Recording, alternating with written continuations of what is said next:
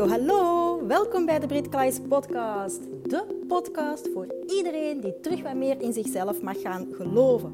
Want ik ben er namelijk van overtuigd dat we met z'n allen de wereld een beetje mooier kunnen maken als we onszelf gaan omarmen wie we echt diep van binnen zijn. En dat je dan ook van daaruit het leven kan gaan creëren dat echt bij je past. Wekelijks deel ik heel graag inspiratie en tips met je over hoe jij de beste versie van jezelf kan worden. Dus hoe kan je perfectionisme doorbreken? Hoe kan jij voor de volle 100% gaan staan voor wie jij diep van binnen echt bent? En ben je ook wel benieuwd naar mijn verhaal? Dan zit je hier alvast goed. Ik heb er heel veel zin in. Veel luisterplezier!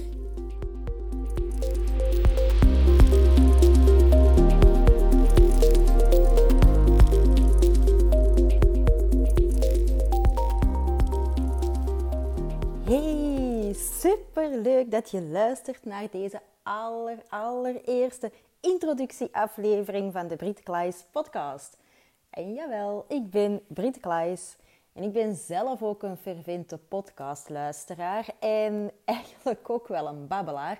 Dus het lijkt mij gewoon kei tof om uh, jullie op deze manier eigenlijk ja, mee te nemen in mijn verhaal, in wat ik allemaal al geleerd heb, wat ik ongetwijfeld nog allemaal ga bijleren, zodat jullie jullie eigen ja, inspiratie en tips er kunnen gaan uithalen. Want daar draait het toch eigenlijk allemaal om. Hè?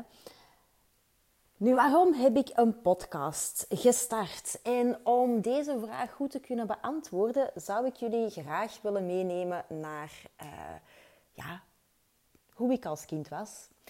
En ik was als kind een, een heel rustig kind. Ik was een, een, een heel introvert kind. Um, ik was zelfs uh, zo rustig in die mate dat mijn omaatje ooit uh, aan de dokter een keer gevraagd heeft van... Wilt je alsjeblieft een keer kijken naar haar? Want er is volgens mij iets, want die is gewoon veel te rustig. Ik kan die op een dekentje zetten en die zit uren later nog altijd op datzelfde plekje op dat tekentje. Nu, uiteraard was er helemaal niks mis met mij. En is er zeker en vast ook niks mis met mij vandaag de dag. Um, maar ja, ik was een grote dromer als kind. En ik kon mij ook verliezen in die dromen. Dus ik kon ook uren in mijn eigen droomwereldje blijven zitten. En ik vond zelf of ik had zelf ook echt wel dat gevoel dat die dromen een realiteit konden worden.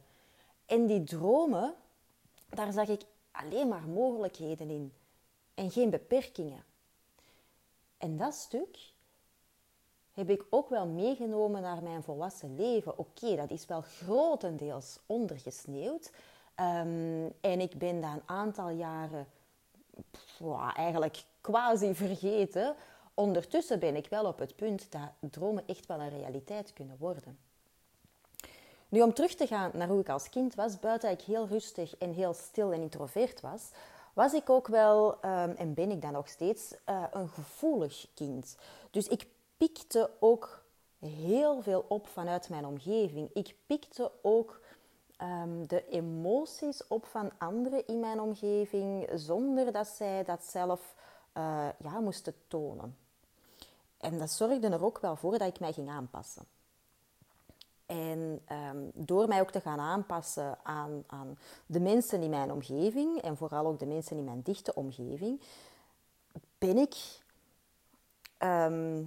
ja, vond ik dat eigenlijk op den duur precies ook wel belangrijker. Hè? Om, om te zorgen dat de mensen in mijn omgeving uh, gelukkiger waren of, of, of dat ik ze op, op mijn oh, manier dat ik kon als klein kind toch wel uh, gelukkiger kon maken. Um, en daarnaast, omdat ik juist ook zo gevoelig was en uh, heel hard bezig was zonder dat iemand dat wist, uh, maar heel hard bezig was om anderen gelukkig te maken. En als ik dan eens een keer een opmerking kreeg, zoals ieder kind een keer krijgt, hè, hallo, dat is zeer erg logisch, um, kon mij dat heel hard raken. En zelfs in die mate raakte mij dat zo hard dat ik een gevoel heb ontwikkeld van ik ben niet goed genoeg. Dus ik moet nog meer mijn best gaan doen. Ik moet nog meer mijn best gaan doen zodat anderen mij leuk gaan vinden. Zodat anderen um, ja, eigenlijk in het begin was dat zelfs niet om, andere, om, om dat anderen mij leuk zouden vinden, maar zeker ook zodat anderen zich niet zouden storen aan mij en zodat anderen ja, een, een, een gelukkiger leven zouden kunnen leiden. Um, en zo ben ik jaren blijven doorgaan. Tot heel mijn schooltijd, tot, tot, um, tot zelfs een groot deel in mijn volwassen leven, totdat ik in 2018 een burn-out kreeg. En ik snapte begot niet waarom dat ik een burn-out kreeg. Want er was niks in mijn leven op dat moment, dacht ik, um, dat niet zo goed liep. Op zich had ik best wel een leven. En ik, um, ik had ook mijn, of toch een heel groot dromen al kunnen, kunnen najagen, die daar een realiteit waren geworden. Ik deed mijn werk ook graag. Ik had een eigen bedrijf Hippotouch opgericht, uh, waar al jaren draaide. Um, ja, ik, ik, ik snapte het niet. Ik was heel erg streng voor mezelf. En door ja, in die burn-out te zitten en dan worden we ook wel geconfronteerd met het feit van, ja, weet je, misschien moeten we ook eens een keer naar jezelf gaan kijken. En moet eens een keer gaan reflecteren. En moeten niet alleen maar gaan kijken naar de buitenwereld. Want dat was zo'n automatisme geworden.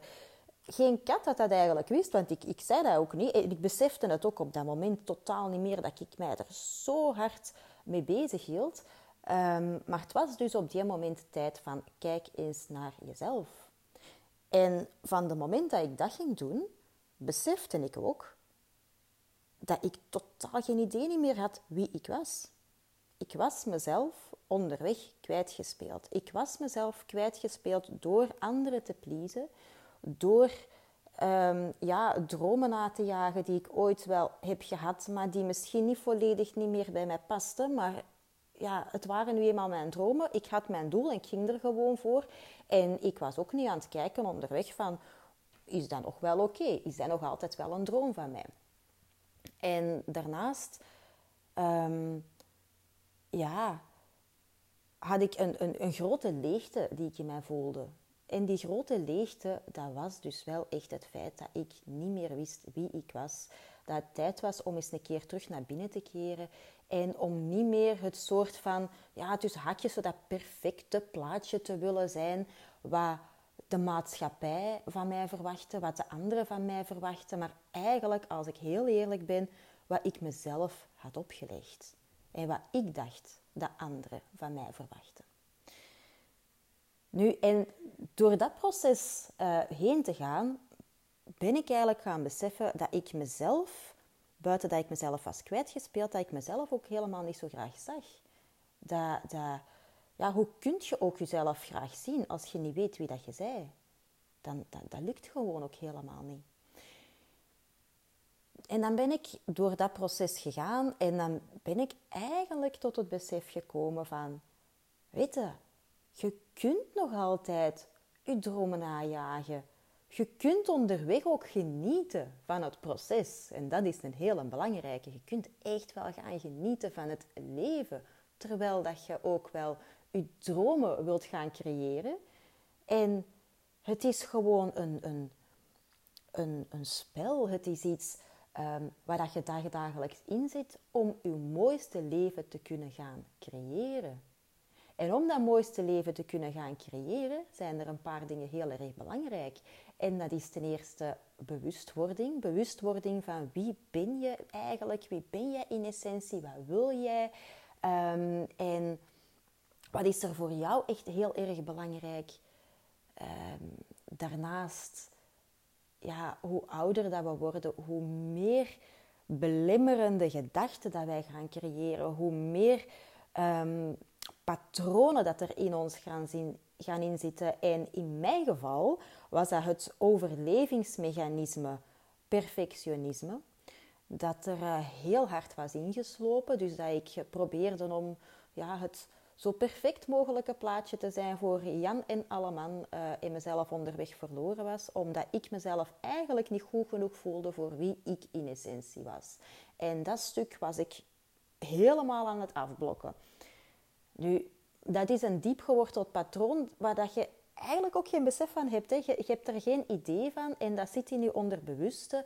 En door die patronen te gaan aanpakken, door je gedachten ook te gaan sturen en, die belemmerende gedachten te gaan vervangen door um, ja, positieve gedachten, door gedachten van dankbaarheid, door gedachten dat er uh, veel meer mogelijkheden zijn, door zelf de volle 100% verantwoordelijkheid te nemen voor je eigen leven.